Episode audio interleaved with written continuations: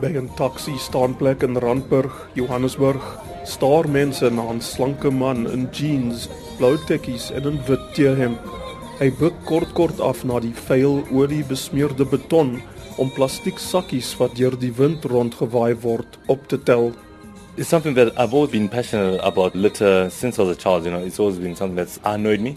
Like people throwing away rubbish on the street. You know, I'm from a small town in Zimbabwe. Van kleins af het Tamba Tabwuma in Mutare, Zimbabwe, begin om kuns uit rommel te maak.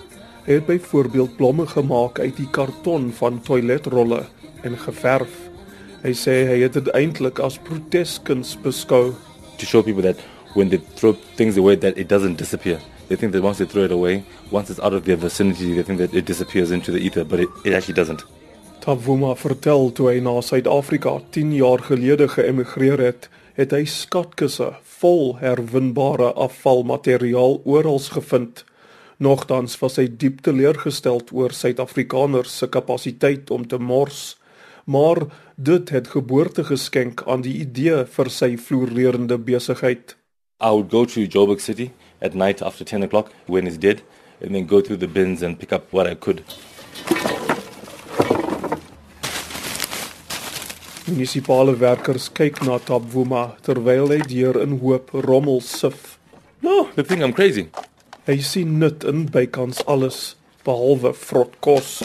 I've just got an old gate. You know, milk cartons, the wrappers from the Lay's chips, newspaper, Coke cans, old wire, um, computer motherboards. We use that. We get a whole jewelry range, which we make from computer motherboards, old wine bottles. After we've had some consumption of them, yes. Sorry. Twee jaar gelede het Tabwuma 'n winkel in Johannesburg se Melville woonbuurt oopgemaak. Die besigheid se naam is Republic of Recycle.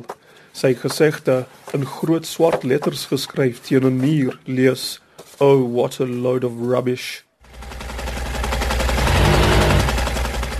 Tabwuma en sy twee assistente gebruik nywerheidsnaaimasjiene om handsakke uit dik wit plastiek sakkies te maak, pers en blou hoede uit waspoeiersakke en vele meer. so this here, it's a milk carton. So we just kind of cut it up in a specific way, and then we kind of fold it together, and it becomes a wallet. And so these backpacks, we I also make these from billboards, PVC from the billboards. Yeah. So this is a laptop case, computer bag, file holder. We use also like the billboard.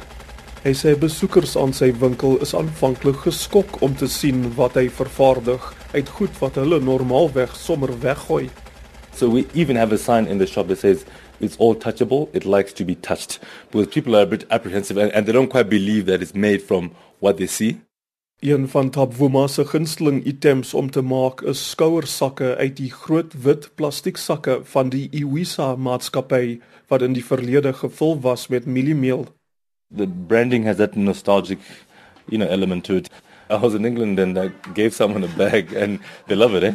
Because I guess it, it reminds them of home and, you know, exactly. Sy goedere is nou so gewild dat hy mense oral in Johannesburg, soos vroue wat kos langs die pad verkoop, betaal om ekstra afvalmateriaal vir hom bymekaar te maak.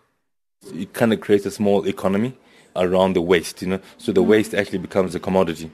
So Maar hy hou steeds daarvan om self gereeld die stad se stortplekke te besoek. I mean, I find people throw away the most amazing things. I've got an old chair, an antique chair, which I found in a bin.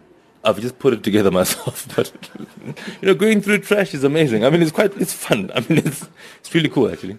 Everyday stuff, you know, uh, the crisps and all that stuff. Tabwuma sê hy is baie gelukkig wanneer sy produkte ander mense inspireer om te herwin en sodoende Suid-Afrika 'n skoner plek te maak. Sy mantra is: Ons is almal anders, maar almal van ons lewe op dieselfde planeet. Ons moet meer verantwoordelik wees in die versorging daarvan. Ek is Darren Taylor in Johannesburg.